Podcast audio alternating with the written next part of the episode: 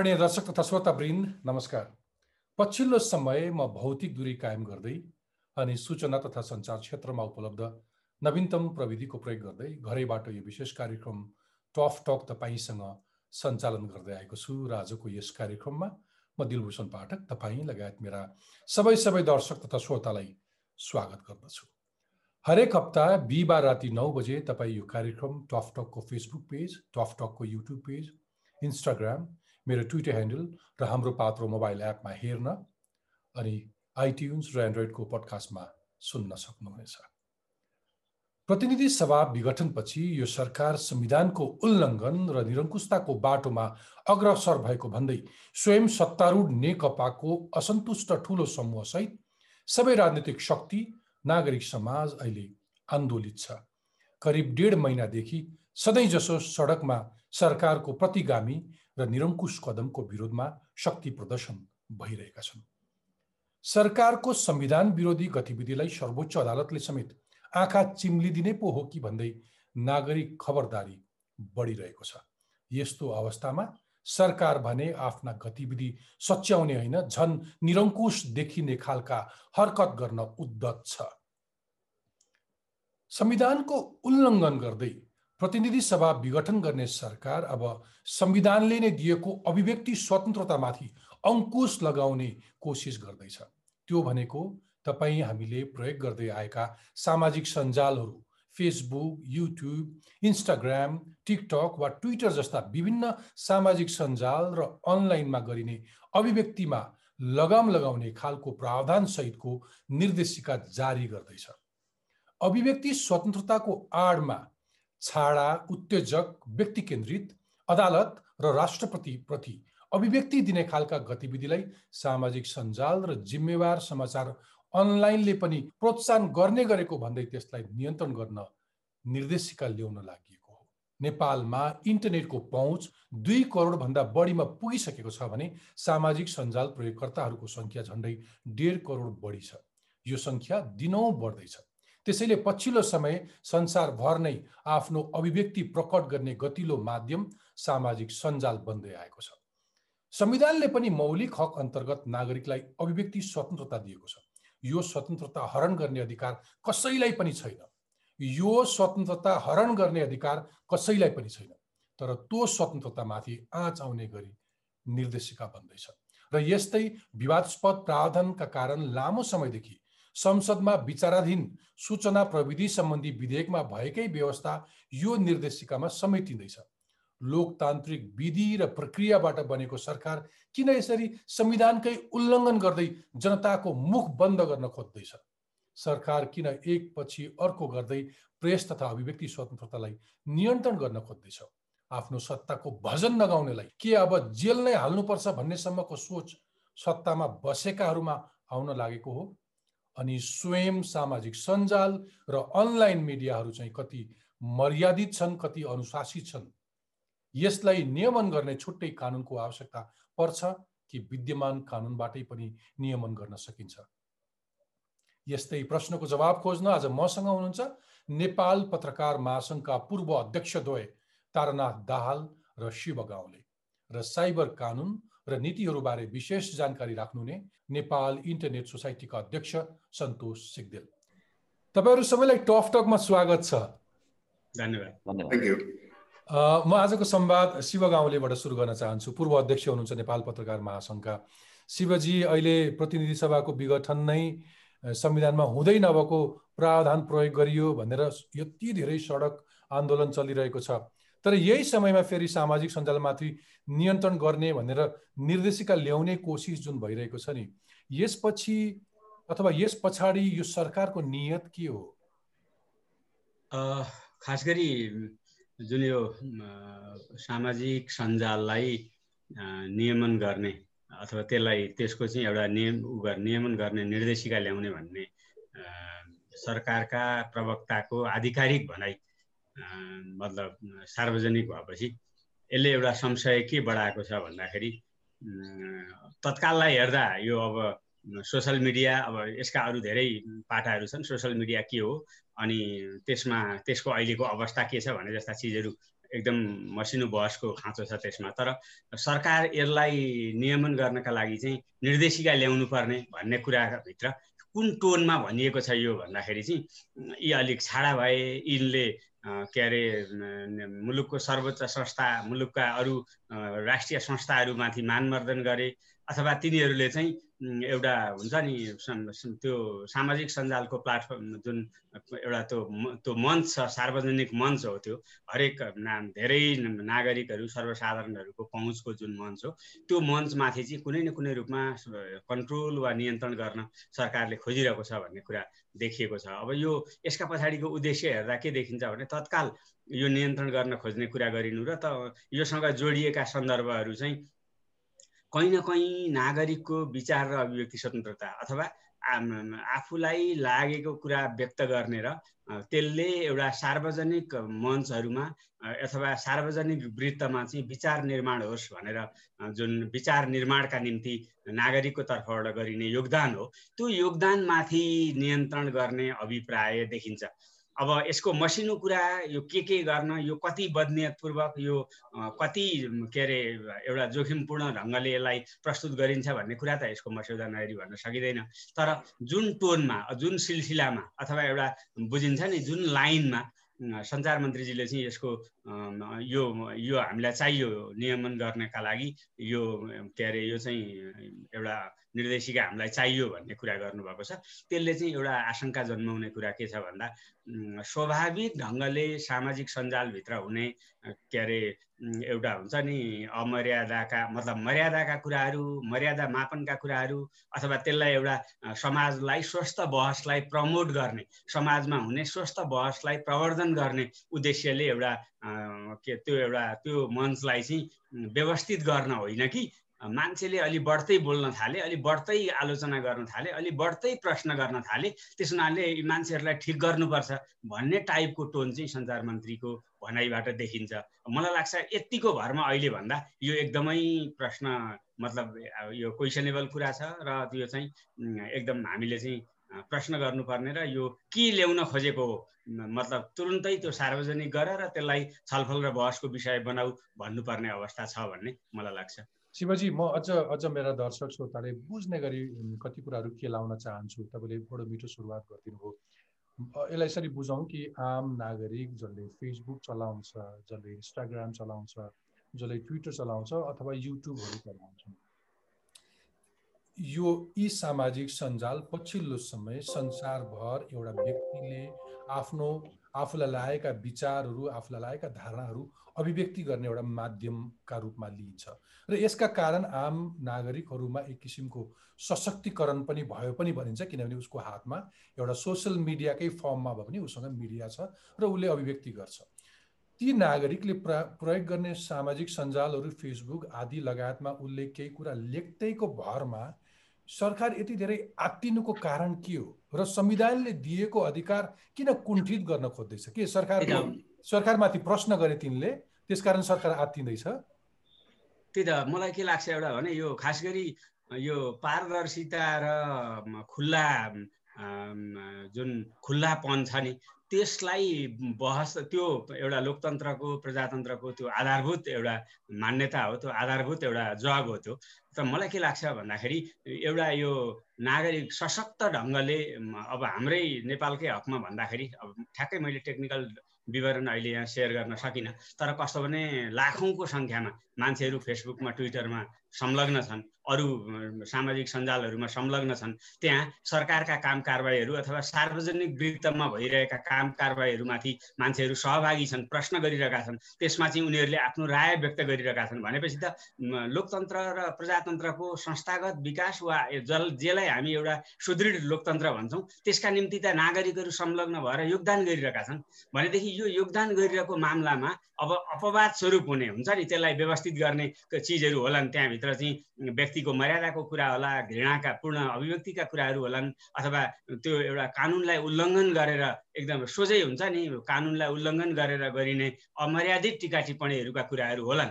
तर तिनलाई व्यवस्थित गर्नका निम्ति भनेका हाम्रा अरू नै कानुनी संरचनाहरू अरू नै हाम्रा व्यवस्थाहरू पर्याप्त छन् अहिले नै भने यो अवस्थामा थप यो सामाजिक सञ्जाललाई नियमन गर्ने वा सामाजिक सञ्जाललाई एक किसिमले भन्दाखेरि त्यो सञ्चार मन्त्रीजीको भाषाको टोन सुन्यो भने नियन्त्रण गर्ने उद्देश्यले निर्देशिका ल्याउन खोज्ने कुरा भनेको चाहिँ मलाई लाग्छ लोकतन्त्र चाहिँ सीमित मान्छेको सीमित दायराभित्र सीमित कुरालाई के अरे सीमित मान्छेहरूको राय बमोजिम चलाउन खोज्ने वा एउटा बृहत्तर नागरिक तहमा लगेर चाहिँ त्यसलाई चाहिँ एउटा छलफल र संवादको विषय बनाउन नचाहने प्रवृत्ति यो भित्र अन्तर्निहित छ भन्ने ठान्छु म। हुन्छ म ताराजीकोमा जान चाहन्छु। तारनाथ दाल पूर्व अध्यक्ष नेपाल पत्रकार महासङ्घबाट हुनुहुन्छ। म शिवजीले उठाए जस्तै क्रमसँग आउँछु अरू ऐन कानुन जरुरी थियो थिएन भनेर। तर मैले ताराजीलाई सोध्न चाहेँ ताराजी एउटा ठुलो संस्थाको नेतृत्व गर्नुभयो नेपाल पत्रकार महासङ्घको अध्यक्ष भएर काम गर्नुभयो। ऐन कानुनको बारेमा बढी वकालत बहस पनि गर्नुहुन्छ तपाईँ छलफल चलाउनुहुन्छ। यो सरकार गठन भएदेखि नै कहिले मिडिया काउन्सिलको कुरा गर्छ कहिले फोन ट्यापिङ कहिले सूचना प्रविधि सम्बन्धी विवादित कानुन ल्याउने कोसिस गरिरहेको छ। तपाईँले यी सबै सरकारवाला कानुनहरू नजिकबाट निहाल्नु भएको कारणले भनिदिनुहोस् कि के सरकार सामाजिक सञ्जालमा सरकार विरोधी अभिव्यक्तिहरू आए हाम्रा कमी कमजोरीहरू नागरिकले थाहा पाउने भए औँल्याउने भए भनेर त्यो प्रतिशोध साध्नकै लागि अहिले फेरि सामाजिक सञ्जालमा अङ्कुश लगाउने निर्देशिका ल्याउन खोजेको हो। यसरी डन्डा चलाउन खोज्दैछ सरकार। अथवा तपाईँको बुझाइ के छ? मूल रूपमा सरकारको सरोकार र चासो के देखिन्छ अभिव्यक्तिहरूबाट हामीले बुझ्न खोज्ने कुरा चाहिँ के देखिन्छ भनेदेखि सरकार आलोचनात्मक टिका टिप्पणीहरूलाई विरोधहरूलाई र आफूलाई मन नपर्ने अथवा आफूलाई एक्सपोज गरिरहेका विषयहरूप्रति असहिष्णु छ र ती कुराहरूलाई नियन्त्रण गर्नुपर्छ भन्ने सोच राख्दछ। र त्यो कहाँ कहाँबाट व्यक्त भइरहेको छ कहाँ कहाँबाट प्रकट भइरहेको छ भन्ने कुराले उसले तत्त ठाउँमा चाहिँ विभिन्न अङ्कुशहरू सिर्जना गर्न खोजिरहेको छ कानुन बनाएर। र ती कानुनहरूलाई चाहिँ फौजदारी कानुनको रूपमा उसले लान खोजिरहेको छ। एउटा हामीले यो कानुनहरूको निर्माण गर्ने सिलसिलामा सरकारले लिने एप्रोच कस्तो हुन्छ त? यदि सरकारले यस्ता सार्वजनिक मामिलासँग नागरिकको अधिकारसँग जोडिएका विषयहरूसँग सम्बन्धित कानुनहरूलाई देवानी कानुनको रूपमा बनाउन प्रयास गर्छ कि फौजदारी कानुनको रूपमा बनाउन प्रयास गर्छ भन्ने कुराले त्यो सरकारको लोकतन्त्रप्रतिको निष्ठा र रुल अफ ल कानुनको शासनप्रतिको निष्ठा चाहिँ जोडिन आउँछ।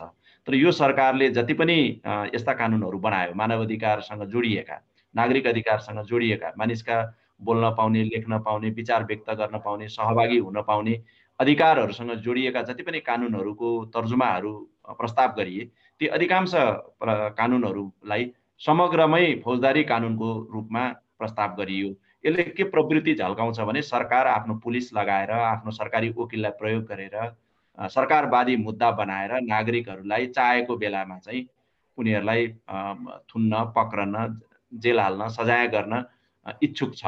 र त्यसको त्रासमा चाहिँ नागरिकहरूलाई पार्न चाहन्छ। र त्यसबाट उनीहरूलाई सेल्फ सेन्सर्ड गराउन चाहन्छ भन्ने कुरा यसले झल्किन्छ। र त्यही सिलसिलाको मै क्रममा नै यो अहिले नयाँ तपाईँको आदेशको कुरा पनि आएको छ। र सञ्चार मन्त्रीजीको टेलिभिजनमा त्यस सम्बन्धी ब्रिफिङ हेरिरहँदाखेरि उहाँका अभिव्यक्तिहरू के थियो भने अराजकता भयो। तपाईँको चाहिँ पत्रकारहरू धेरै अराजक भए।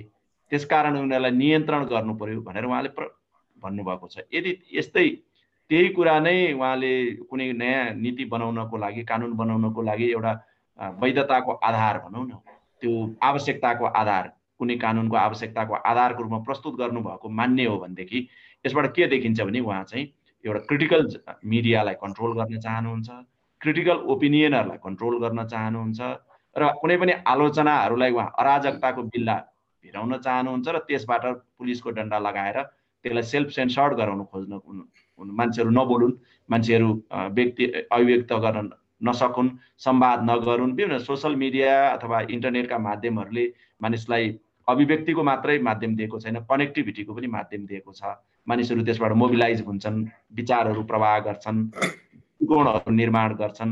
त्यो सबै प्रक्रियाहरूबाट उहाँहरूलाई एक किसिमले अप्ठ्यारो परेको। उहाँहरूले जसरी अगाडि बढ्छु भनेर सोचिरहनु भएको छ शासनमा त्यो शासन गर्न नपाएको फ्रस्ट्रेसन उहाँको व्यक्त हुन्छ र त्यो फ्रस्ट्रेसन चाहिँ उहाँले कहाँ लगेर पोख्न खोज्दै हुनुहुन्छ भने नागरिकका अधिकारलाई कुण्ठित गरेर त्यो गर्न प्रया प्रयास गर्दै हुनुहुन्छ। अब उहाँले भनेको आदेश कतिखेर आउला कस्तो स्वरूपमा आउला त्यसको मस्यौदा के छ त्यो त अहिले बाहिर आएको छैन। तर मूल रूपमा के हो भनेदेखि उहाँले भनिरहेका विषयहरूसँग सम्बन्धित कुन ऐनमा टेकेर आउनुहुन्छ त? संविधानको कुन धारामा? र त्यो धारा अनुसारको कुन चाहिँ ऐनमा टेकेर उहाँले नयाँ आदेश जारी गर्न खोज्दै हुनुहुन्छ त्यो पनि प्रश्न कुरा आएको छैन। तर म के देख्दैछु भनेदेखि कुनै ऐन बिना नै ऐन नियम बिना नै कार्यकारीले एउटा ठाडो आदेश जारी गरेर गरेर तपाईँको यो सोसल मिडिया इन्टरनेटका माध्यमहरूलाई उहाँ बढी त्यसका विषयवस्तुहरूमाथि नियन्त्रण गर्ने उहाँले जो प्रयास गरिरहनु भएको छ भनेदेखि त्यो संवैधानिक कानुनी हिसाबले पनि मिल्दैन। अहिलेको राजनीतिक कन्टेक्स्टमा त झन् मिल्दैन। एकातिर चुनावको घोषणा गर्ने अर्कोतिर मानिसका अभिव्यक्तिका माध्यमहरू एउटा विरोध विपक्षी आवाज र आलोचनात्मक दृष्टिकोणहरूलाई चाहिँ असहिष्णुतापूर्वक त्यसलाई अराजकताको बिल्ला भिराएर त्यसलाई कन्ट्रोल गर्ने जुन सोचहरू आएको छ त्यसले त झन् यो पोलिटिकल कन् कन्टेक्स्टमा पनि यो मिल्दै मिल्दैन। त्यसैले अब भन्नुभयो अझै यो मस्यौदा बाहिर नआएसम्म हामीले राम्ररी केलाउन चाहिँ गाह्रै छ। बिल्कुल। त्यो मस्यौदा आएपछि हामी अरू बढी छलफल गर्छौँ तर कति कुराहरू सङ्केत पाउने बित्तिकै यो किसिमको छलफल एउटा नागरिक तहमा सरकारवालाहरूको छलफल बहस पनि चाहिन्छ होला नभए सरकारले झुक्याएर झुक्याएर विधेयक ल्याउने गरेका यस्ता ऐन कानुन लाद्ने कुरा हाम्रा लागि नौला होइन। त्यसकारण पनि यो संवाद जरुरी थियो। अघिल्लो पटक अघिल्लो पटक एउटा विधेयक ल्याए सरकारले जुन विधेयकमा सामाजिक सञ्जाल कम्पनीमा दर्ता हुन नआएमा जुनसुकै बेला सरकारले बन्द सक्ने बन्द गर्न सक्ने भनेर भन्यो। सामाजिक सञ्जालमा लेखेकै आधारमा वर्षौँ जेल अथवा लाखौँ जरिमाना अथवा पाँच वर्षसम्म कैद र दस लाखसम्म जरिमानाको दुवै प्रावधान राख्यो। कसैलाई सामाजिक सञ्जाल मार्फत कसैलाई जिस्काउने होच्याउने हतोत्साहित गर्ने भन्ने बित्तिकै यो कडा कानुन आउने बित्तिकै तर यो त फेरि संविधानले दिएको उसको अभिव्यक्तिको स्वतन्त्रतासँग जोडिन्छ भनेर भनेपछि धेरै विवाद भयो। यो विधेयक अहिले संसदमा विचाराधीन छ पास हुन बाँकी छ। यो एउटा पक्ष हो। तर फेरि तपाईँ हामी जो सञ्चार कर्ममा छौँ त्यो एउटा पक्ष होला। तर अर्को अलिकति ब्रडर रूपमा हेऱ्यो भने त जथाभावी बोल्ने अवस्था पनि छ मान्छेले जथाभावी बोलेका छन्। कुनै कुनै नियन्त्रण छैन। प्रधानमन्त्रीको फेसबुक अथवा ट्विटर आइडीमा अरू कसैले लेखिरहेको घटनाहरू छन्? केही दिन अघि रामकुमार झाँक्रीजीले राष्ट्रपतिमाथि गरेको टिप्पणीमाथि टिप्पणीलाई लिएर उहाँमाथि अरू अनेकनका आरोपहरू लगाए। कसैले कसैलाई चाहिँ सामान्य कुनै अभिव्यक्ति दिएका हिसाबमा बलात्कार गर्नुपर्छ भनेर सोसियल मिडियामा लेख्छ अनलाइन पोर्टलहरूले आफूले मागेको विज्ञापन अथवा कुनै व्यापारीले आफूले चाहेको विज्ञापन दिएन पैसा दिएन भनेर उनका विरुद्ध लखेट्ने चलन पनि छ। यो भद्रगोल त छ नि। अभिव्यक्ति स्वतन्त्रतासँग जोड्ने बित्तिकै यी सब पापहरू खुनहरू माफ हुन्छन्। तिनलाई कसैले नियन्त्रण गर्नु पर्दैन ताराजी? यो हुँदैन। तपाईँले भन्नुभएका समस्याहरू छन् र यी समस्याहरूको समाधान तपाईँको अभिव्यक्तिको स्वतन्त्रतालाई लक्षित गरेर कानुन निर्माण गर्दैमा हुँदैन। कानुनमा लेख्दैमा पनि हुँदैन। एउटा यो प्रविधिले जुन अवसर दिएको छ र प्रविधिले दिएका अवसरहरूसँगै जुन प्लेटफर्महरूको उपलब्धता भएको छ त्योसँगै समस्याहरू पनि नआएका होइनन्। तर ती समस्याहरूको समाधान कसरी गर्ने भन्ने त्यसका विधिहरू हुन्छन्। र त्यो विधिलाई फरक फरक ढङ्गले हेर्नुपर्छ। किनभने हामीले कन्टेन्टको रेगुलेसन गर्न खोजेको हो भने त्यसका आफ्नै मान्यताहरू छन्। प्रविधिको रेगुलेसन गर्न खोजेको हो भने त्यसका आफ्नै मान्यताहरू छन्। व्यापारको रेगुलेसन गर्न खोजेको भने त्यसका आफ्नै मान्यताहरू छन्। यी कुराहरूलाई फरक फरक ढङ्गले डिल गर्नु पर्यो। र जहाँसम्म अभिव्यक्तिको सन्दर्भ छ त्यो अभिव्यक्तिका सन्दर्भहरूमा हुने क्राइम त्यसलाई हामी साइबर क्राइम त भन्दैनौँ त्यसलाई साइबर इनेबल क्राइम साइबर स्पेसमा हुने अवान्छित क्राइमहरूलाई नियन्त्रण गर्नका लागि त राज्यसँग हामीसँग प्रशस्त राज्यसँग कानुनहरू बनेकै छन् नि। नागरिकहरूले कानुन बनाइदिए गाली बेजेती कसैलाई गर्न पाइँदैन। व्यक्तिगत गोपनीयताको अधिकारलाई सम्मान गर्नुपर्छ त्यसको त्यसमाथि आक्रमण गर्नु हुँदैन। हाम्रो समाजमा त झन् अश्लीलताको विषय पनि हाम्रो कानुनले नै व्यवस्था गरेका छ।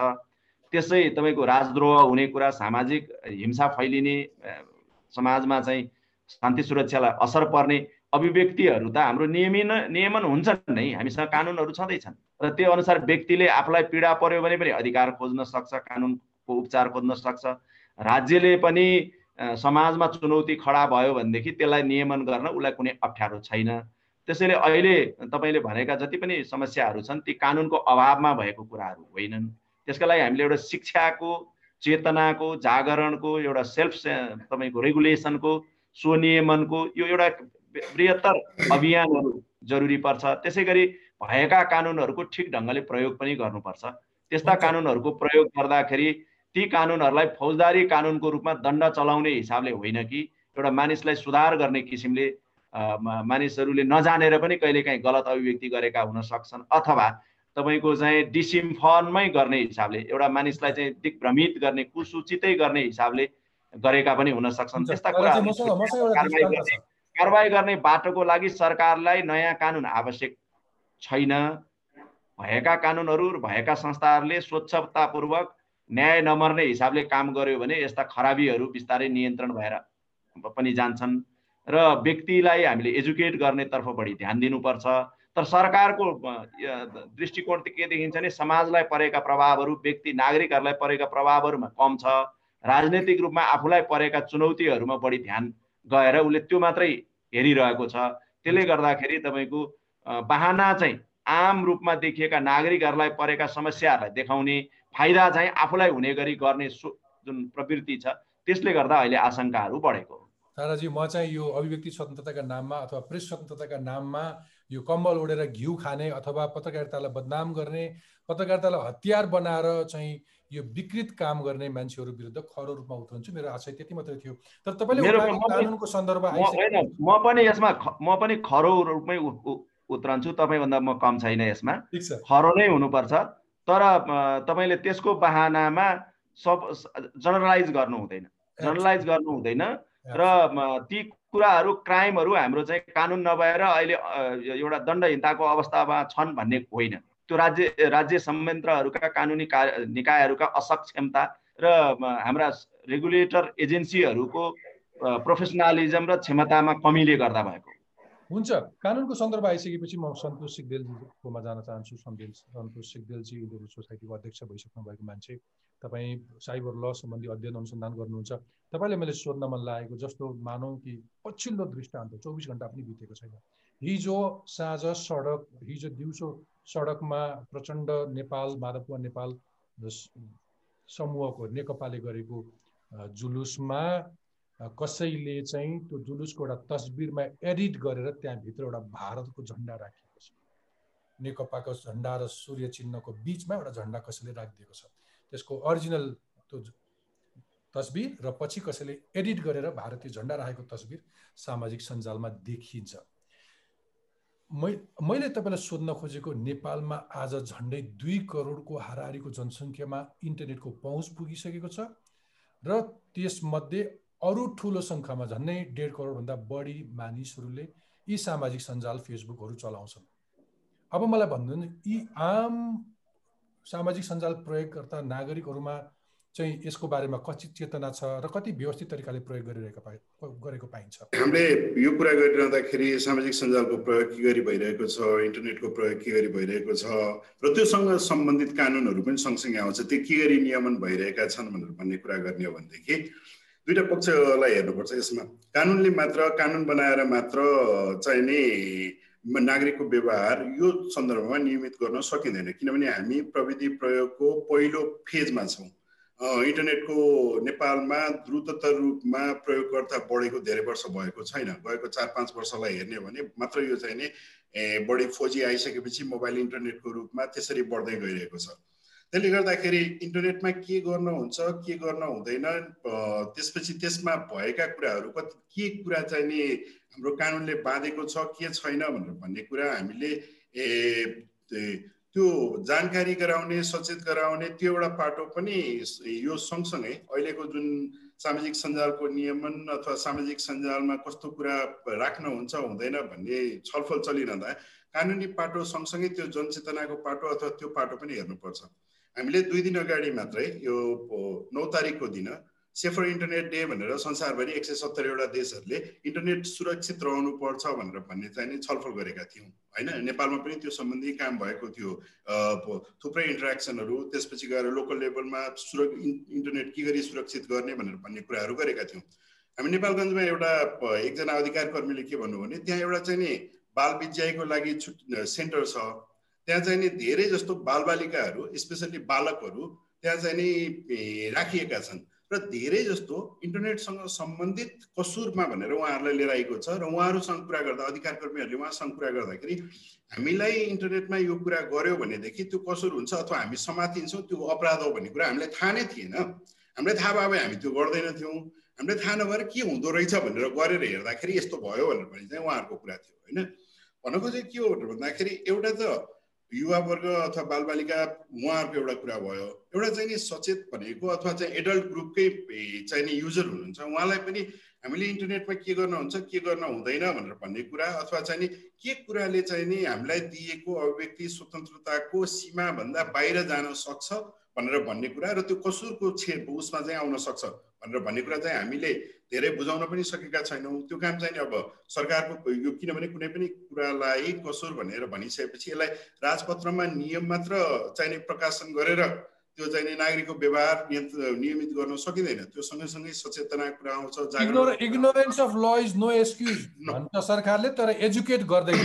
ल एजुकेट गर्नुपर्छ तपाईँको भनाइ चाहिँ। हजुर। त्यसको बारेमा जानकारी दिनुपर्छ र त्यो त्यो चाहिँ नि विभिन्न चरणमा हुनुपर्छ। विभिन्न चरणमा भन्नाले अहिले हामीले स्कुल लेभलदेखि अहिले हामी कुरा गरौँ न इन्टरनेटको कुरा गर्दाखेरि हामी अभिव्यक्ति स्वतन्त्रताको ठुलो पाटोहरूको कुरा गरिरहेछौँ अहिले एक क्लासमा पढ्ने भनेको तपाईँको पाँच वर्षको बच्चादेखि हामी चाहिँ अनलाइन क्लास जुम क्लास भनेर उसलाई चाहिँ इन्टरनेटसँग ऊ जोडिएको छ। प्रत्येक विद्यार्थीको एउटा आइडी बनाएर स्कुलले राखेको छ उसको चाहिँ नि डिजिटल आइडेन्टिटी बनेको छ त्यसको सुरक्षाको बारेमा हामीले के गरिरहेछौँ त्यो त्यो त्यो पाटोलाई छोएका छौँ कि छैनौँ?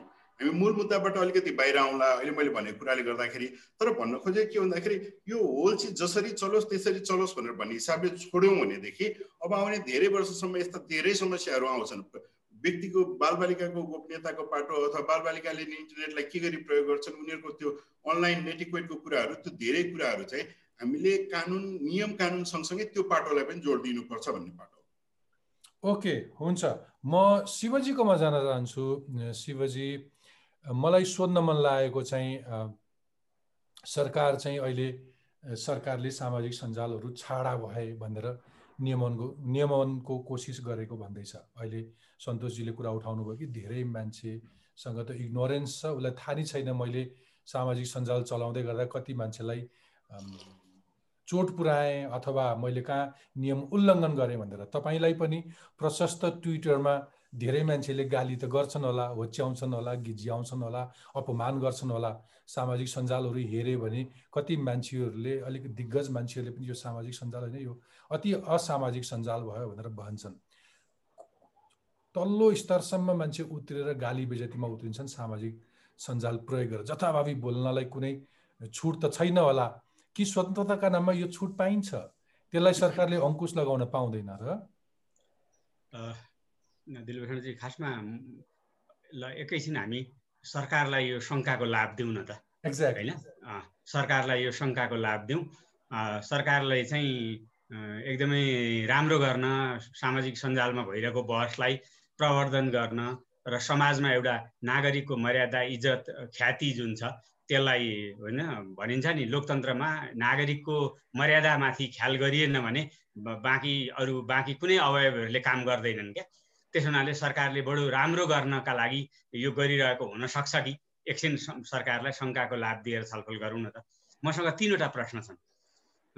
यस मामलामा। पहिलो के त यो मामला यो निर्देशिका ल्याउनु पर्ने निचोडमा सरकार किन पुगेको हो? यसको बारेमा सरकारसँग कुनै विस्तृत अध्ययन छ?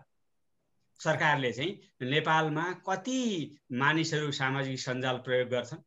त्यो सामाजिक सञ्जाल प्रयोग गर्नेहरू कुन कुन क्षेत्रका कति कति मान्छेहरू छन् त्यसको जुन हामी टेक्निकल ब्रेकडाउन भन्छौँ नि त्यसको एउटा प्राविधिगत त्यो तह निकालेर मान्छेहरू कति मान्छेहरू यसमा संलग्न छन् भन्ने र यसमा के अरे चाहिँ संलग्नहरू मध्येबाट चाहिँ यो सरकारले भनिरहे जस्तो छाडा हुनेहरूको सङ्ख्या कति हो? होइन? र त्यसमध्ये संलग्नताहरूको सङ्ख्या कति छ? त्यहाँभित्र भइरहेको संवादको अवस्था के छ? त्यो संवादले चाहिँ हिजोसम्म बोल्नका निम्ति चाहिँ के अरे आफूले कुनै चारजना पाँचजना मान्छे उभिएको ठाउँमा गएर बोल्नु पऱ्यो भने सबकोले मुख छोपिरहने हाम्रो चाहिँ के अरे समाजको एउटा ठुलो हिस्सा होइन? अथवा अलिक पछि सर्ने एउटा के अरे समाजका चाहिँ युवाहरू आज कसरी सक्रिय भएका छन् भने जस्ता कुराको बारेमा चाहिँ नागरिकको संलग्नताको कारण लोकतन्त्र तलसम्म संस्थागत हुँदै गएको छ मान्छेहरूको संलग्नता बढ्दै गएको छ कि यसले चाहिँ समस्या ल्याएको छ त? मेरो पहिलो प्रश्न सरकारलाई यसको बारेमा तपाईँसँग के अध्ययन छ? तपाईँ के को आधारमा यो भन्दै हुनुहुन्छ? पहिलो कुरा।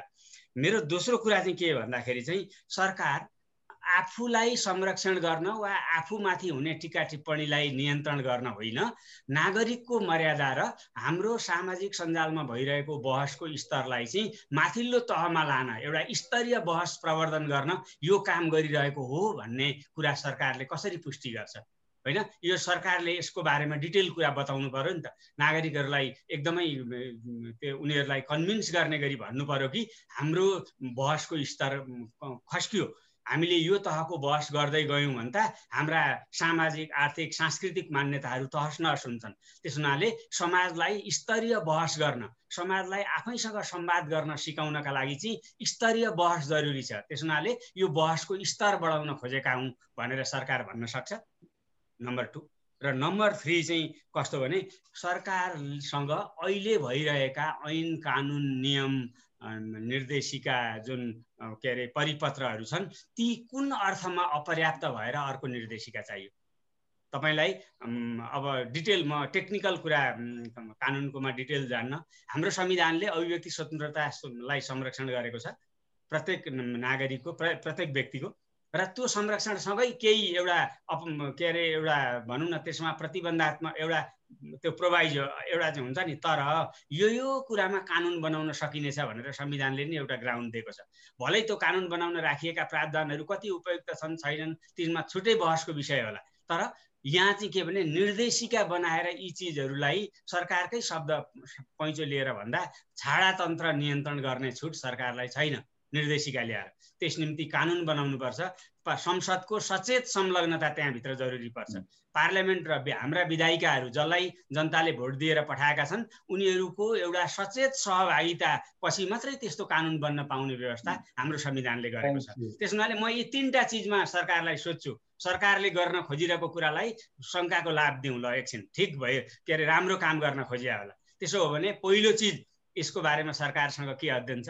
दोस्रो कुरा चाहिँ यो के अरे यो यो यो मामला चाहिँ सरकारले आफूलाई असजिलो अथवा आफूमाथि टिका टिप्पणी आफूमाथि प्रश्न गर्ने नागरिकलाई को आवाजलाई चाहिँ सङ्कुचन सङ्कुचन बनाउन दबाउन वा त्यस्ता आवाजहरू नआउन भन्नलाई होइन भन्ने के ग्यारेन्टी छ? र तेस्रो कुरा भनेको हाल कायम रहेका कानुनहरूले सरकारलाई कहाँनिर असजिलो भयो? Absolutely Shivji thank you for this insight तपाईँले बडो मिठोसँग राख्नु पऱ्यो म आफै पनि पब्लिक स्पेस पाउनुपर्छ। सिभिकहरूले अथवा सिभिलियनहरूले नागरिकहरूले आफ्नो एउटा कम्फर्ट स्पेस चाहन्छन्। पहिले आरोप लाग्थ्यो कि मिडिया जहिले पनि ठुलाहरूको शक्तिशालीहरूको पैसा भएकाहरूको मात्रै हुन्थ्यो तर आज आम नागरिकको हात हातमा एउटा मिडिया छ। सामाजिक सञ्जालकै रूपमा त्यसलाई उनीहरूले आफ्नो एउटा पब्लिक स्पेसको रूपमा युज गर्छन्। सरकारका बारेमा समाजका भित्तिका बारेमा उनीहरूले क्रिटिसाइज गर्छन् संविधानले दिएको अभिव्यक्ति स्वतन्त्रता प्रयोग गर्छन् त्यसले एउटा नागरिकलाई सशक्तिकरण गरेको छ र त्यसलाई लार्जर रूपमा स्वतन्त्र स्वतन्त्रतासँग जोडिन्छ। दिलभूषणजी एउटै कुरामा तपाईँसँग तपाईँको कुरामा थपिहाल्छु।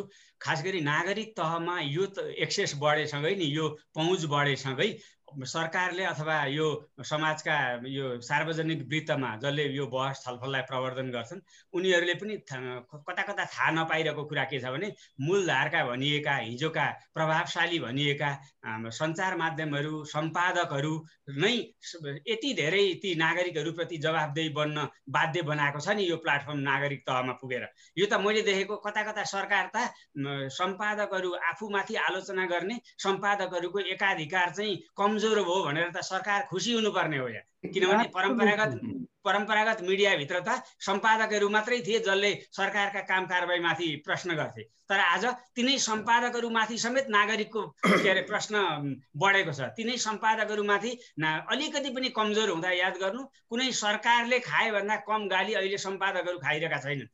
भने अब यहाँनिर त सरकारले त यो माध्यम प्रवर्धन भएर त लोकतन्त्र त व्यापक फराकिलो हुँदै गएको छ। भिन्न विभिन्न समूहको पहुँच अभिवृद्धि भएको छ र साँच्चीकै भन्दा नागरिक तहमा एउटा प्रजातन्त्रको त्यो प्रतिफल पुगिरहेको छ भन्ने ठान्नु पर्नेमा अब थाहा छैन। सरकार किन बिल्कुल अब तपाईँले भनेकोमा म अर्को एउटा के थप्न चाहेँ भने यसले आम नागरिकलाई सशक्तिकरण गरेको छ। उसले जब बोल्न पाउँछ आफूलाई चाहेको कुरा ठुलो अडियन्ससम्म पुर्याउन सक्छ आफ्नो फेसबुकमा पोस्ट गरेको हिसाबमा आफ्ना नाता गोता मात्रै होइन कि लार्जर अडियन्समा लान सक्छ भने त्यो कति सशक्तिकरण छ अब यसैमा मैले जोड्न खोजेँ तारनाथ जालजीलाई। अहिले सामाजिक सञ्जालमा आएका जति पनि विषयहरू छन् तिनीहरूलाई चाहिँ फेरि अन्य मिडियाहरूले फलोअप गर्ने गर्छ समाचारको शैलीमा उनीहरूले त्यसलाई एन्कर्पोरेट गर्न थाले अथवा न्युजको रूपमा दिन थाले। त्यो त्यसले गर्दाखेरि चाहिँ जुनसुकै विषयलाई चाहिँ अब अब सो वेब पेजहरू अथवा वेब पोर्टल्सहरूले अथवा अथवा अनलाइन्सहरूले समाचार बनाएर पो दुरुपयोग गरे कि अथवा यो ट्रेन्डले चाहिँ भोलि हाम्रो लागि घातक पो हुन्छ कि भनेर पनि सरकार अलिक डराएको हो। अथवा हामी मूलधारको पत्रकारिता गर्नेले त्यसलाई कति व्यवस्थित गरेका छन्? मैले सामाजिक सञ्जालमा मलाई प्राप्त हुने मेरा आम दर्शक श्रोताले मलाई अरू थप जवाबदेही बनाएको छ। अझ उनीहरूको प्रश्न आम जवाबदेही मान्छे ठाउँमा पुर्याउन मलाई बल पुगेको छ। यो यो प्रक्रिया पनि मन नपरेको हो सरकारलाई अथवा मैले त्यो प्रक्रियामा सहभागी हुँदाखेरि त्यो जनतालाई भोइस गर्दै गर्दा सामाजिक सञ्जालमा उठेका जिज्ञासालाई त्यहाँ राख्दै गर्दाखेरि मैले कति मर्यादाहरू पुरा गर्न पो सकिनँ कि त्यसले पनि अत्याएको हो। अहिले बहस तपाईँ र शिवजीको बहस असाध्यै रमाइलो भइरहेछ। ठिक छ हुनुपर्ने कुरा यही नै हो। र हामीले इन्टरनेटले हेर्नुहोस् संसारको सबै शक्तिहरूलाई भत्काइदियो होइन? त्यो मिडियाको शक्ति मात्र होइन राजनीतिक शक्ति मात्र होइन। अब इन्टरनेटले सामाजिक हाम्रा मान्यताहरू शक्तिहरू सबैलाई भत्काइदियो। जताततै विकेन्द्रीकरण गर्यो भनौँ न। एकदमै तलको मान्छेलाई तपाईँको एउटा शक्तिशाली हतियार इन्टरनेट उपलब्ध भयो है? र त्यो इन्टरनेटको प्लेटफर्महरूमा अनेकौँ सृजनात्मक यस्ता आविष्कारहरू आए। र तिनको प्रयोगहरू पनि सबै मान्छेको हात हातमा पुर्याउने गरी यो कम्पनीहरूले प्लेटफर्महरू उपलब्ध गराए। अब यो अहिले एक किसिमले हाम्रो सबैतिर हामीले बहस गऱ्यौँ भने सांस्कृतिक पक्षमा कुरा गऱ्यौँ भने सामाजिक पक्षमा कुरा गऱ्यौँ भने राजनीतिक पक्षमा कुरा गऱ्यौँ मिडियाकै पक्षमा कुरा गऱ्यौँ अथवा नागरिक र राज्यको सम्बन्धको कुरा गऱ्यौँ हिजोको परम्परागत हाम्रा चाहिँ लोकतन्त्रका मूल्य र मान्यताहरूको संस्कारहरूको कुरा गऱ्यौँ भने ती सबैतिर अहिले यो इन्टरनेट पछि एउटा नयाँ पुनर्नि व्याख्या पुनर्निर्माण मान्यताहरूको नयाँ व्याख्याको अवस्थाहरू सिर्जना भएको छ। त्यसैले यसलाई हामीले पुरानो आँखाबाट हेरेर अहिले हामीले समाधानहरू खोज्न सक्दैनौँ। अघि नै सन्तोषजीले मैले सुरुमा पनि भनेको थिएँ सन्तोषजीले भन्नुभयो प्रविधिको प्रयोग हामीले उपलब्ध भयो। प्रविधिमा हामी सबै त्यसमा प्रयोग गर्न अग्रसर भयौँ। तर त्यो प्रविधिका प्रभावहरू के के हुन्छन्? त्यसका सकारात्मक प्रभावहरू के के हुन्छन्? नकारात्मक असरहरू के के पर्न सक्छन् त्यसबाट? त्यो सकारात्मक प्रभावहरूबाट हामीले समाजले कसरी लाभ लिने र नकारात्मक असरहरूबाट हामीले फेरि कसरी बच्ने? व्यक्ति नागरिक सबै सिस्टमहरू कसरी बच्ने भन्ने यी यावत विषयहरू अझै सेटअप भइसकेका छैन। यही नै हो भन्ने कुराहरू छैन। तर हामीले हेर्नु पर्यो के भने एउटा सत्य कुरा के हो भने इन्टरनेट भन्ने यस्तो एउटा साधन हामीलाई उपलब्ध छ। र त्यो साधनमा हिजो यस्ता प्रभावकारी साधनहरू पहुँचवालाहरूको मात्रै हातमा हुन्थ्यो पैसावालाहरूको शक्तिवालाहरूको हातमा हुन्थ्यो। अहिले प्रविधिले सबैलाई यसलाई आम रूपमा पुर्याइदियो। पुर्याइदिएपछि यसको प्रयोगकर्ताहरूका पनि तपाईँको धेरै नै जवाफदेही उत्तरदायी हुनुपर्ने जिम्मेवार हुनुपर्ने अनुशासित हुनुपर्ने यसलाई बुझेर गर्नुपर्ने कर्तव्यहरू सिर्जना भएको छ भनेदेखि नियमनकारी संस्थाहरूलाई मान्यताहरूलाई पनि हिजोको सोचले चाहिँ अब हुँदैन। सरकार सबै चिजको तपाईँको रखबारी गर्ने डन्डा चलाउने हेर्ने निकाय हो भन्ने जुन हिजोको मान्यता छ त्यो मान्यताले यसलाई काम गर्दैन। त्यसैले नयाँ ढङ्गले हामीले सोच्नुपर्छ र मुख्य कुरा सरकारसँग तथ्यहरू हुनु पर्यो आधारहरू हुनु पर्यो जुन शिवजीले भन्नुभयो नि के आधारहरू? हाम्रो हाम्रो समाजका लागि अहिले हामीलाई कस्ता कस्ता कानुन आवश्यक परेको छ? कस्ता कस्ता संस्थाहरू आवश्यक परेको छ? कस्तो कस्तो हामीले आचार व्यवहारहरू निर्धारित गर्ने कस्ता कोड अफ कन्डक्टहरू हामीले बनाउने भन्ने यावत कुराहरूमा एउटा खुला बहसहरू हुनु पर्यो सरोकारवालाहरू सबैलाई विश्वासमा लिएर छलफलहरू हुनु पर्यो र त्यसले एउटा निष्कर्ष निकालेपछि त्यस्ता किसिमका हाम्रा ऐन कानुनहरू नीतिहरू संस्थाहरू मान्यताहरू हामीले बनाउनु पर्छ। त्यो बनाउने नै सिलसिलाबाट किन हामी प्रविधि विकास गर्न सक्दैनौँ प्रविधि प्रयोग त गरिरहन्छौँ। प्रविधि प्रयोग गरिसकेपछि त्यो प्रविधि प्रयोग गर्नु सँगसँगै त्यसका त्यसलाई सदुपयोग गर्ने त्यसको बढी लाभ लिने तर्फ हामीले सोच्दै जानुपर्छ। त्यसबाट हुने हानिहरूप्रति पनि धेरै नै बस्नुपर्छ। त्यसो भएकोले नै एउटा समग्र तपाईँको हाम्रो ओभरअल इन्टरनेट इकोसिस्टमलाई नै सु सुव्यवस्थित गर्ने गरी हामी कहाँ नीतिहरू बन्नुपर्ने कानुनहरू बन्नुपर्ने आवश्यकता छ। त्यसका लागि भनौँ न सूचना प्रविधि सम्बन्धी जुन विधेयक संसदमा थियो त्यसमा प्रशस्त बहसहरू भएको हो। सरकारले एउटा एप्रोचमा ल्यायो। त्यसमा यो यो पुगेन यो खराबी छ यसलाई सुधार गरौँ भन्ने आलोचनाहरू नागरिक तहबाट भयो सांसदहरूले संशोधन हाल्नुभयो। एउटा राम्रै डिस्कोर्स त्यहाँ चलिरहेको छ नि। त्यसलाई एउटा निष्कर्षमा पुर्याउने हुनेदेखि त्यसले तत्कालका लागि हामीलाई केही समाधानहरू देला तर फेरि त्यो समाधान सधैँलाई हुँदैन। किनभने यो प्रविधि यति द्रुततर परिवर्तन हुँदैछ। नयाँ नयाँ तपाईँका यसमा चुनौतीहरू पनि आउँदै जान्छ। त्यसैले हामीले दुइटै एप्रोचमा यसमा यसमा गहिरो अध्ययन गर्नु पर्यो। एउटा सबै पक्षलाई हित हुने गरी नीतिहरू त तर्जुमा हुनु पर्यो। त्यसमा व्यापक रूपमा हामीले व्यवहारहरू परिवर्तन गर्नको लागि मान्छेलाई शिक्षित र प्रशिक्षित गर्नु पर्यो। त्यसमा सरकार फेसिलेटर सरकार एउटा फेसिलेटर मात्रै हुनुपर्छ। सरकार म हिजोको जस्तै रुलर हुँ डन्डा चलाएर सारा मान्छेलाई अनुशासितमा राख्छु तह लगाउँछु र मैले भनेकै कुरा ठिक हो। अरूले भनेका कुरा चाहिँ गलत हो भन्ने सोचले सरकारले सोच्नु हुँदैन। त्यसरी सोच्दै जाँदाखेरि चाहिँ समस्याहरू आउँछ। तर हामी हामी कति कुराहरू चाहिँ आफूले आफूलाई सेल्फ सेन्सर्ड गर्न सक्छौँ हामी आफै मर्यादामा बस्छौँ भनेर हामी हाम्रो यो पेसामा पत्रकारितामा लाग्ने मान्छेहरू भन्छौँ। तर आजको दिनमा फेरि सामाजिक सञ्जालले दिएको अघिको सकारात्मक पक्षहरू एउटा पब्लिक सिभिक स्पेस जहाँ उनीहरूले आफूले इन्ट्रेक्ट गर्छ समाजका व्यतिथिहरू सरकारले गर्न सकेका कामहरूबारे प्रश्न उठाउँछ संवाद गर्छ छलफल गर्छ जुन लोकतन्त्रको एउटा एउटा आधारभूत मान्यता हो त्यसलाई त्यसले सहयोग पुगेको छ एउटा साइड हो। तर फेरि अर्को साइड चाहिँ त्यही सोसियल मिडियाका डिफ्रेन्ट फर्म्सहरूलाई पत्रकारिताको कुनै साइन नि नभएका मान्छेहरूले यो पेसामा मै हो पत्रकार मैले नै धान्छु जस्तो गरेर त्यो विचार अभिव्यक्ति को चाहिँ अथवा स्वतन्त्र त्यो त्यो स्वतन्त्र विचारका नाममा चाहिँ फेरि विसङ्गति अथवा सामाजिक मर्यादा भड्काएको बारेमा पनि प्रशस्त टिका टिप्पणी त हुने गरेका छन्। हामी पत्रकारिता क्षेत्रमा लाग्ने जो एउटा संस्थागत मर्यादित स्कुलबाट पढेर आयौँ जो हामीलाई सुरुको दिनदेखि एउटा व्यक्तिलाई व्यक्तिगत रूपमा उत्रिन पाउँदैनौ तिमी संस्थामा प्रश्न उठाउन पाउँछौ अथवा तिम्रो केही जवाबदेता छ तिमी सामाजिक सद्भाव भड्काउन पाउँदैनौ। कुनै धार्मिक असहिष्णु बन्न पाउँदैनौ। यी धेरै कुरा त सिकेर आएका छौँ नि। तर त्यो अलिकति आचार संहिता पेसागत मर्यादाहरू अलिकति डगमगाएको अलिकति आम पत्रकारिता क्षेत्रमाथि नै फेरि सबैले प्रश्न उठाउने परिस्थिति पनि आउँदै गएको चाहिँ हो। त्यसलाई अलिकति मर्यादित बनाउन परिस्थिति पनि छ यसलाई यसरी हेरौँ। तपाईँले जर्नलिजमको पर्सपेक्टिभबाट एउटा मिडिया पर्सनको पर्सपेक्टिभबाट पत्रकारिताको व्यवसायको पर्सपेक्टिभबाट आफ्ना कुरा भन्नुभयो। त्यो तपाईँले भनेका कुरा आफ्नो ठाउँमा ठिकै हो। तर आम रूपमा हामीले अर्को पर्सपेक्टिभबाट पनि हेर्नुपर्छ कि यसले यसले हाम्रो परम्परागत पत्रकारिता र मिडियामा जसको पहुँच र जसको जसले चलखेल गर्थे तिनीहरूलाई पनि चुनौती खडा गरिदिएको छ नि। हिजो सूचनामाथि हामी त्यसमा सूचनाको व्यापारी गर्थ्यौँ नि त हामी त। सूचना खोज्थ्यौँ र अर्कालाई दिन्थ्यौँ अनि क्रेडिबिलिटी हाम्रो सम्पत्ति हो भन्ने बाहनामा हामी आफ्नो गर्थ्यौँ। त्यो पत्रकारितालाई पनि चुनौती खडा भएको छ। तर त्यो पक्कै पनि हिजोको पत्रकारिता एउटा प्रशिक्षित थियो होला त्यसले सीमाहरू थाहा थियो होला। स्वनियमनका सिद्धान्तहरू बुझेको थियो होला र उसले दिइने सूचना भेरिफाइड सूचना हो। म मिसइन्फर्म गर्दिनँ डिसइन्फर्म मेरो चाहिँ अनइथिकल कुरा हो म गर्दिनँ। मैले चाहिँ तिमीलाई ट्रस्ट वर्दी फ्याक्ट दिन्छु अनि मलाई तिमी पत्याउ मलाई सुन पढ र मबाट जानकारी ल्याऊ भनेर हामी काम गर्थ्यौँ। अब यो कुरालाई अलिकति त्यसले हाम्रो यो पेसा व्यवसायका लाई पनि यसले चुनौती खडा गरेको छ इन्टरनेटले। मान्छे अब आफै तत्काल आफ्नो कुरा बाहिर भनिदिन्छ थाहा पाएको कुरा पनि अर्कालाई सुनाइदिन्छ। मान्छे एकअर्कामा आफै संवाद गर्छन्। एक किसिमले परम्परागत पत्रकारिताका माध्यम र सिद्धान्तहरू पनि भत्काइदिएको अवस्था छ र हामी आफै पनि तपाईँ हामी पनि एक किसिमले यो सोसियल मिडियाकोबाट इरिटेट छौँ हेर्नुहोस्। ग्लोबल्ली इरिटेटै देखिन्छ जर्नलिजमको क्षेत्र पनि है? तर अब जर्नलिजमले आफ्नो भूमिका र आफ्नो स्पेस यो क्राइसिसमा बनाउनु पर्छ त्यो चाहिँ अर्को कुरा हो। तर हिजो चाहिँ यो सबै सूचनाको खेती चाहिँ अब हाम्रो मात्रै थियो।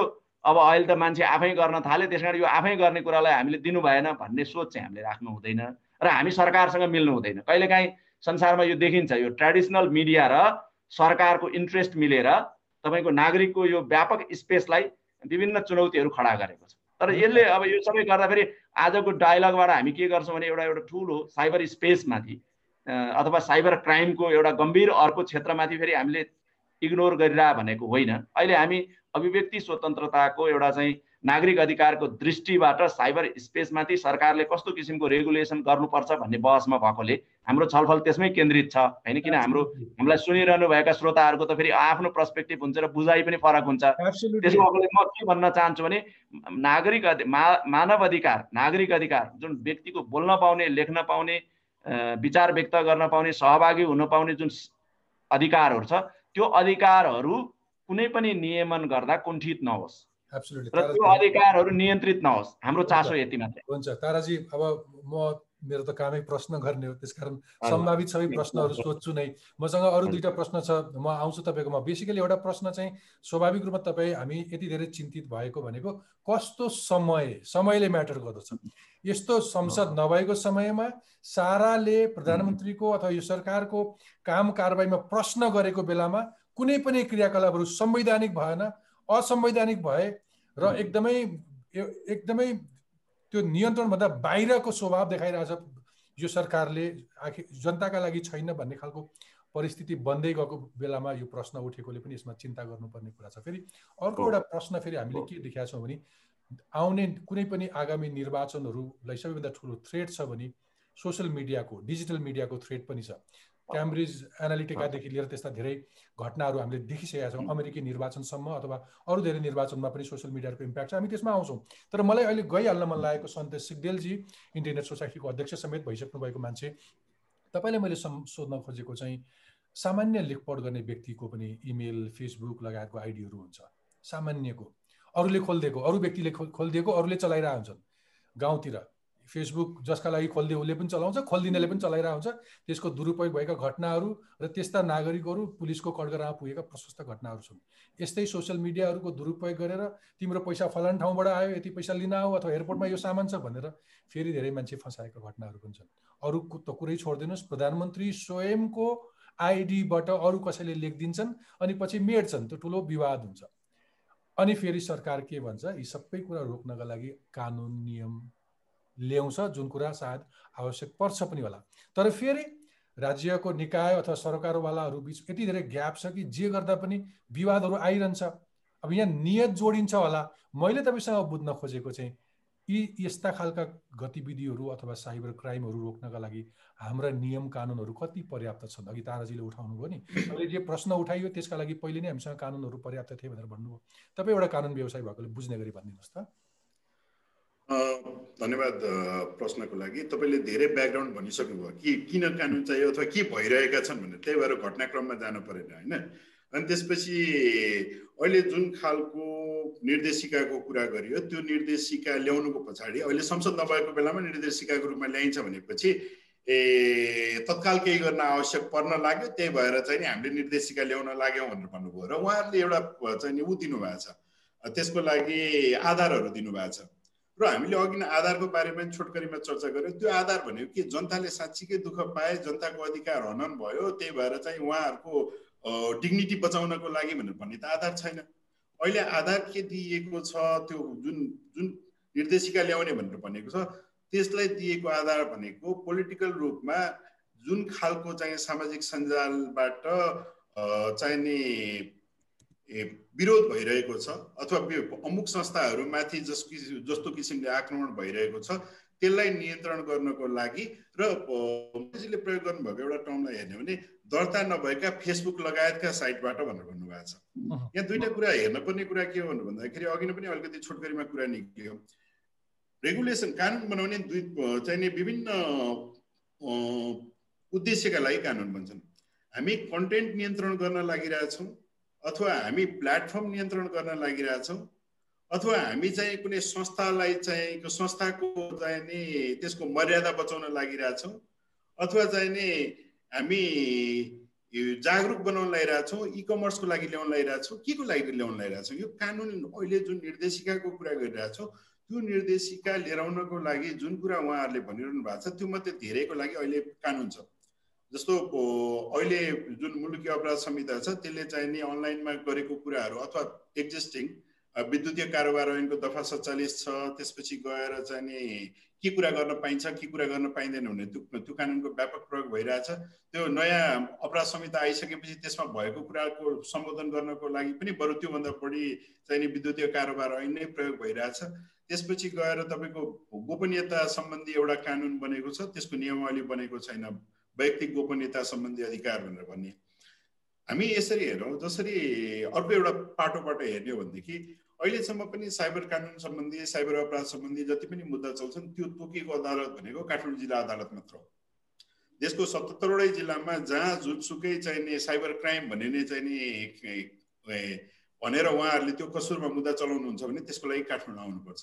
हामीले गर्नुपर्ने त त्यसलाई चाहिँ सहज बनाउनको लागि त्यहाँ जुन त्यो कानुनले चाहिँ न्यायाधिकरणको व्यवस्था गरेको छ। त्यो न्यायाधिकरण इस्टाब्लिस गर्नको लागि त्रिसठीमा बनेको कानुन हामी चाहिँ अहिले आएर छत्तर सतहत्तरमा पुग्दाखेरि चौध वर्षसम्म त्यसमा चाहिँ काम गर्दैनौँ।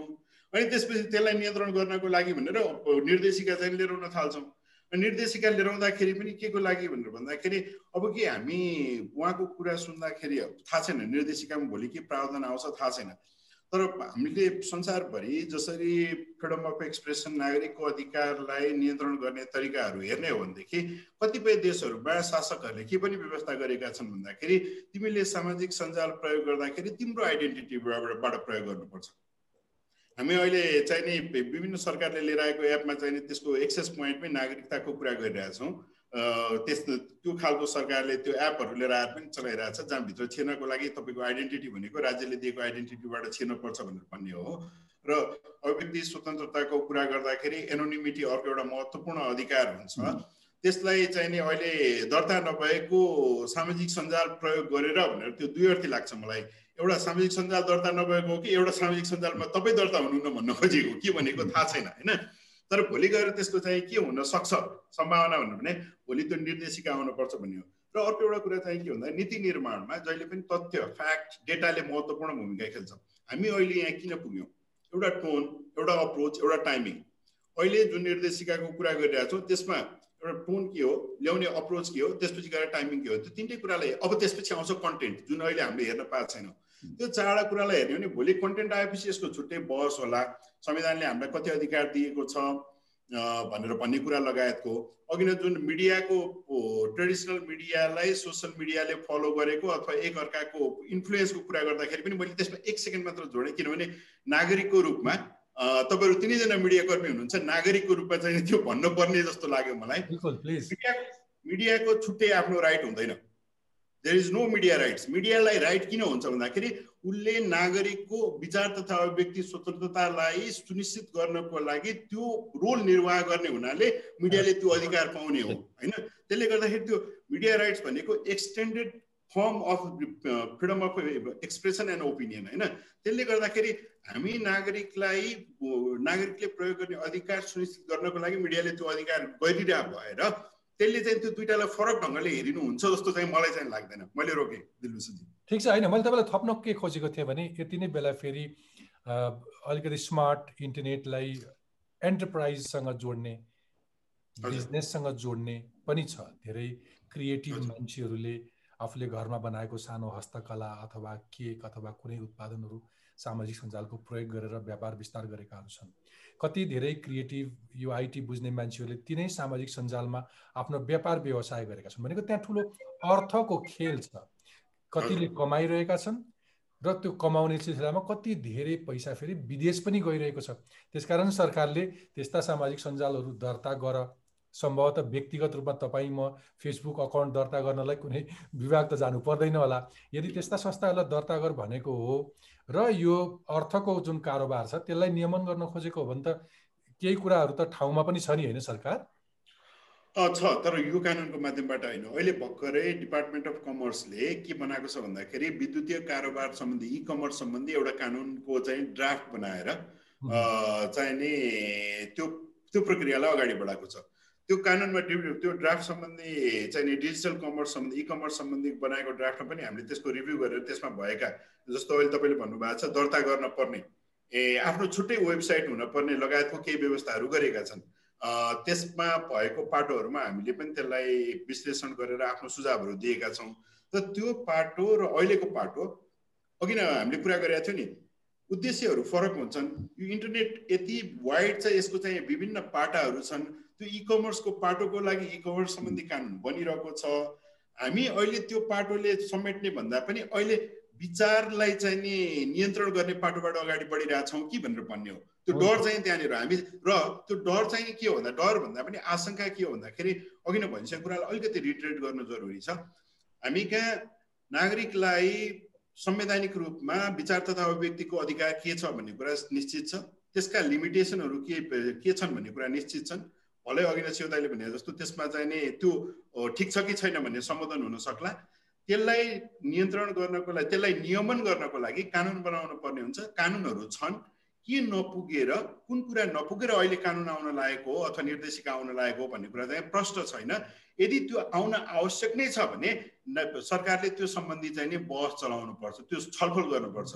ए त्यो सकारात्मक के हो भन्दाखेरि उहाँहरूले चाहिँ नि त्यो आउँदैछ भन्ने कुरा प्रश्न पार्नुभयो।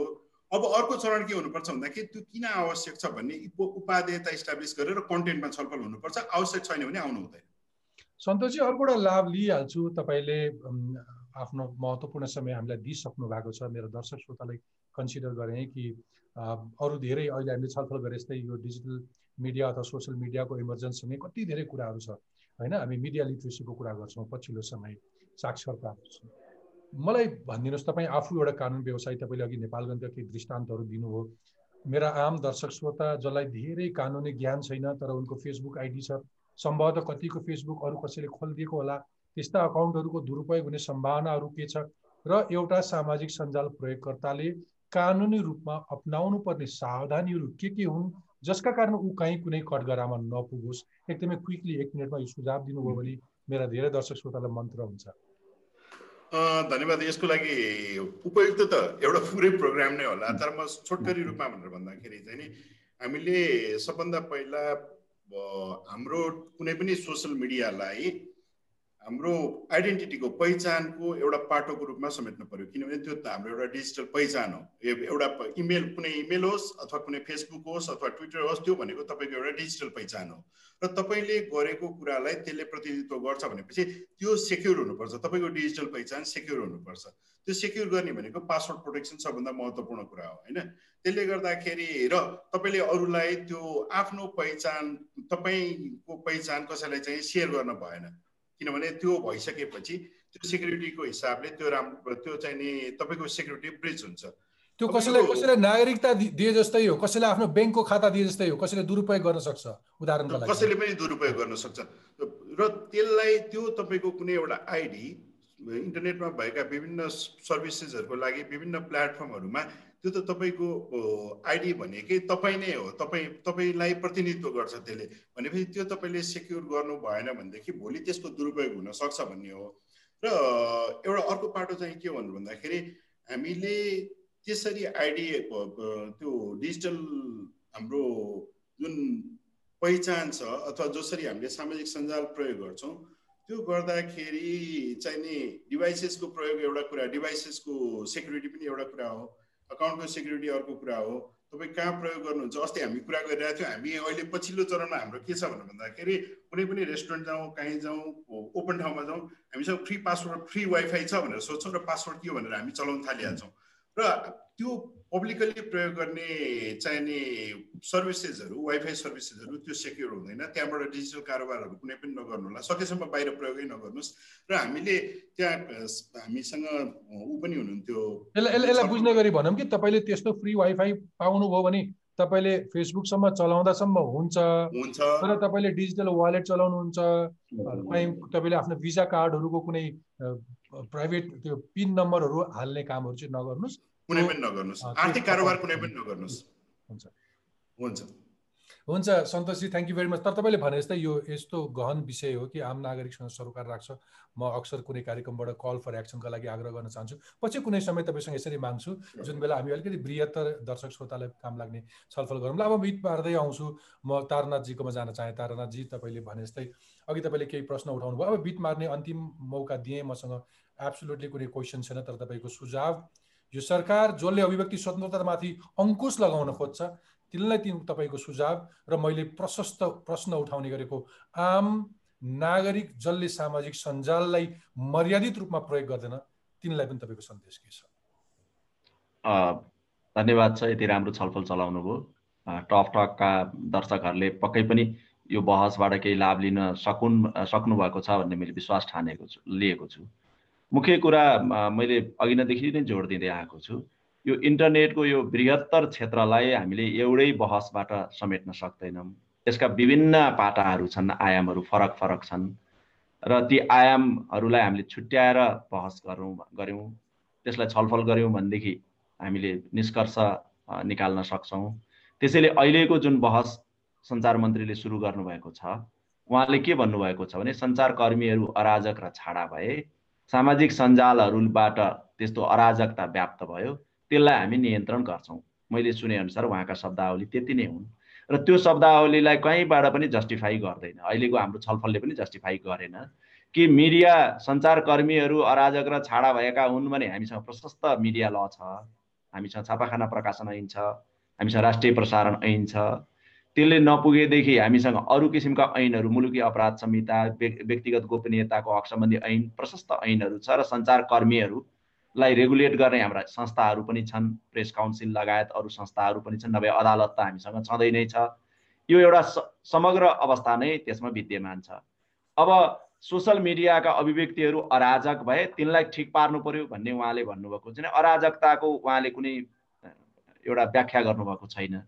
यदि त्यसलाई उहाँले पोलिटिकल क्रिटिसिजमलाई ल र सार्वजनिक मामिलामा नागरिकहरूले आफ्ना धारणाहरू राखेका कुरालाई सर सरकारलाई मन नपरेपछि त्यो अराजक भएको ठानेको हो। एउटा भनौँ न एउटा सामान्य मान्छे ठुल्ठुलो कुरा गर्ने भयो। हाम्रो समाजमा त्यही भन्छन् नि होइन हैसियत बिनाको मान्छेले यस्तो कुरा गर्ने यो अराजक भयो यो त टाठा बाठाले बुझेकाले पदमा भएकाले पो गर्ने। तिमीले प्रश्न उठाउने।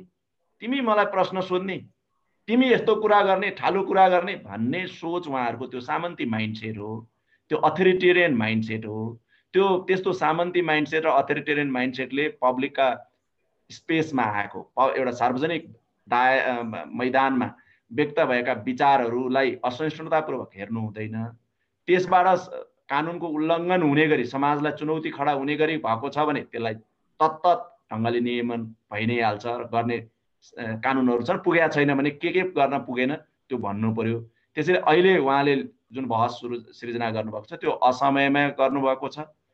त्यो त्यसको अस्पष्टतापूर्वक गर्नुभएको छ र यसले एउटा आशङ्काहरू व्याप्त गरेको छ। यो आशङ्का हटाउन उहाँले आफ्नो पोजिसन पेपर हुन्छ नि उहाँलाई किन नयाँ निर्देशिका चाहिएको हो? त्यसको एउटा ब्लू पेपरै भन्छन् व्हाइट पेपर ब्लू पेपर भन्छौँ नि हामी श्वेत पत्र जारी गर्नु पर्यो। तथ्य आधारहरू। अनि त्यसमा बसेर हामी बहस गरौँ अनि कस्तो किसिमको नीति आवश्यक परेको हो त्यो कुरा बनाउने उपायहरू छन् त्यो भनेको त ऐन हो। ऐन बनाउनु पर्यो। ऐन बनाएर नियमन गर्नु पर्यो कुनै पनि कुरालाई। आदेशबाट नियमन गर्ने सोच त्यो अथोरिटेरियन सोच हो त्यो सम्भव छैन। यो कुनै एउटा विपद आइलागेर त्यसलाई तत्काल रेस्पोन्स गर्नका लागि काम चलाउने भयो भने त्यो सरकारले आदेश जारी गर्न दिउँ न त भनेर यसलाई एक्सक्युज गर्न सक्ने त्यसलाई हेर्ने बाटो होइन किन यसमा नागरिक अधिकार जोडिन्छ मौलिक हक जोडिन्छ। यो संवैधानिक अधिकारलाई एउटा सरकारको आदेशले नियमन गर्न मिल्दैन। ऐन बनाउनुहोस् ऐन बनाउन जनप्रतिनिधि संस्था चाहियो। जनप्रतिनिधिहरूले छलफल गरेर ऐन बनाउने बेलामा हामी सबैले पनि बहस गरौँला। अनि मुलुकलाई आवश्यक परेका समाजलाई आवश्यक परेका ऐन कानुन तर्जुमा गरेर यो क्षेत्रमा अभिव्यक्तिको स्वतन्त्रतालाई पनि सबल बनाऊ जनताको सशक्तिकरणलाई पनि सबल बनाऊ। समाजलाई समस्याहरू सिर्जना भएको छ। भनेदेखि त्यसलाई पनि हामीले नियमन गरौँ। त्यो बाटोमा अग्रसर हुनुपर्छ भन्ने मलाई लाग्छ र अर्को कुरा चाहिँ के हो भनेदेखि म एउटा यो मौकाको फाइदा तपाईँको बहसमा के उठाउन चाहन्छु भने यो cyber crime cyber crime cyber crime भन्ने शब्दावलीहरू यति व्यापक भएको छ। सोसल मिडियामा कुनै कुरा बोल्यो भने र त्यसले कुनै चर्को कुरा गर्यो त्यसले कुनै गोपनीयताको हकलाई उल्लङ्घन गर्यो अथवा कुनै गर्ने जस्तो देखियो अथवा गाली बेजेदी जस्तो देखियो जे देखियोस् अथवा कुनै ठुलो पद प्रतिष्ठामा भएका मान्छेलाई औँला उठायो भने यो साइबर क्राइम हो भनेर हामी परिभाषित गर्छौँ त्यो एब्सोल्युटली रङ हो। That is not cyber crime. Cyber crime भनेको दुईवटा मात्रै हुन्छ। एउटा भनेको साइ आइसिटीको सूचना प्रविधिका पूर्वाधारमाथि आक्रमण भएको हुनु पर्यो टेलिफोन अवरुद्ध भएको इन्टरनेट अवरुद्ध भएको कम्प्युटरमा चोरी भएको तपाईँको मोबाइल चोरी भएको हुनु पर्यो इन्फ्रास्ट्रक्चर नेक्स्ट तपाईँका डाटाहरू। अघि नै भन्नु नि सन्तोषजीले तपाईँको पासपोर्ट तपाईँको फेसबुकभित्र तपाईँको ट्विटरभित्र तपाईँको इमेलभित्र तपाईँको वेबसाइटभित्र पस्नु पऱ्यो जस्तो काठमाडौँ प्रेसको समाचार हटाइदियो नि त्यो आइएसपीले that is the cyber crime त्यो डेटाको सुरक्षा साइबर क्राइम हो। त्योभन्दा बाहेक अरू कुरा साइबर क्राइम होइन है। अरू भनेको टेक्नोलोजीका प्लेटफर्महरूमा प्रकट भएका अरू अपराधहरू हुन् जसलाई हामी अपराधको परिभाषामा अलरेडी नै त्यसलाई व्याख्या गरेको छ। त्यसैले यो साइबर क्राइमलाई बुझ्ने कुरामा पनि छुट्टै बहसको आवश्यकता छ। नेक्स्ट डिस्कसन यो कुरालाई अगाडि बढाउनु भने समाजमा एउटा समझदारी बढ्दै जान्छ र समझदारी बढ्यो एउटा क्लियर कट माइन्डसेटले कुनै पोलिसी बनायो भने त्यो ठिक पोलिसी हुन्छ। कन्फ्युजनै कन्फ्युजनमा र जे कुरा हो त्यो कुरा चाहिँ नबुझिकन बनाउँदाखेरि धेरै चाहिँ बिग्रन्छ। अहिलेको सरकार चाहिँ सबै कुरा मैले जानेको छु भन्ने तर जान्न चाहिँ केही पनि नजान्ने सोच र प्रवृत्तिको जुन शैली छ त्यो बदलिनु जरुरी छ। बिल्कुल। अनि आज हामी यस्तो बेलामा संवाद गर्दैछौँ कि आज एउटा विद्युतीय मुद्रा बिट कोइन संसारमा सबैभन्दा महँगो मुद्राको बजारमा कारोबार भइरहेको छ। अब हामी यस्ता विद्युतीय ऐन कानुनहरूमा पछि पनि पऱ्यौँ भने फेरि त्यसले कति धेरै मूल्य चुकाउनुपर्छ त्यो पछि बहसको कुरा हो म पछि त्यसमा जान चाहन्न। अब बिट मार्छु जसरी मैले शिव गाउँलेबाट पहिलो प्रश्न सुरु गरेका थिएँ अन्तिम प्रश्न शिवजी। तपाईँले नेपालको पत्रकारिताको कालो लामो कालखण्ड हेर्नु भएको छ। अन्तर्राष्ट्रिय पत्रकारिता जगत पनि हेऱ्यो भने जहिले पनि अघि हामीले कुरा गरे जस्तै सञ्चार माध्यम अथवा मिडिया जहिले पनि पावर हुनेहरूले प्रयोग गर्छन्। हामीले देखेका छौँ पञ्चायतको समय राजाको समय निजी क्षेत्रका मिडियाहरूले कहिले पनि बोल्न पाएनन्। त्यो आन्दोलन गरेर आउनुभएको तपाईँको पुस्ता।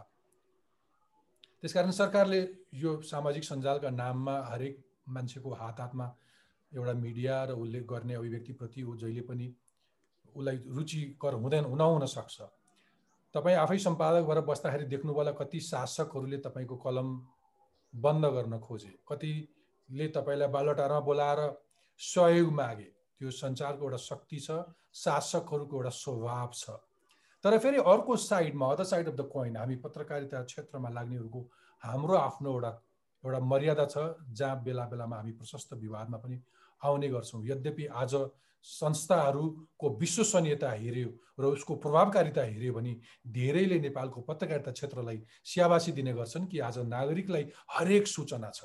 बालुवाटारमा के हुन्छ कुन पार्टीभित्र के हुन्छ एउटा वडामा एउटा वडा अध्यक्षले कसले कसलाई दुर्व्यवहार गर्यो कहाँ कस्तो भ्रष्टाचार गर्यो यी सम्पूर्ण सूचना एउटा नागरिकको तहमा पुगेको छ। आज यति आज कुनै पनि सूचना छैन होला जो कसैले लुकाएर लुक्छ त्यो त्यति धेरै सूचना।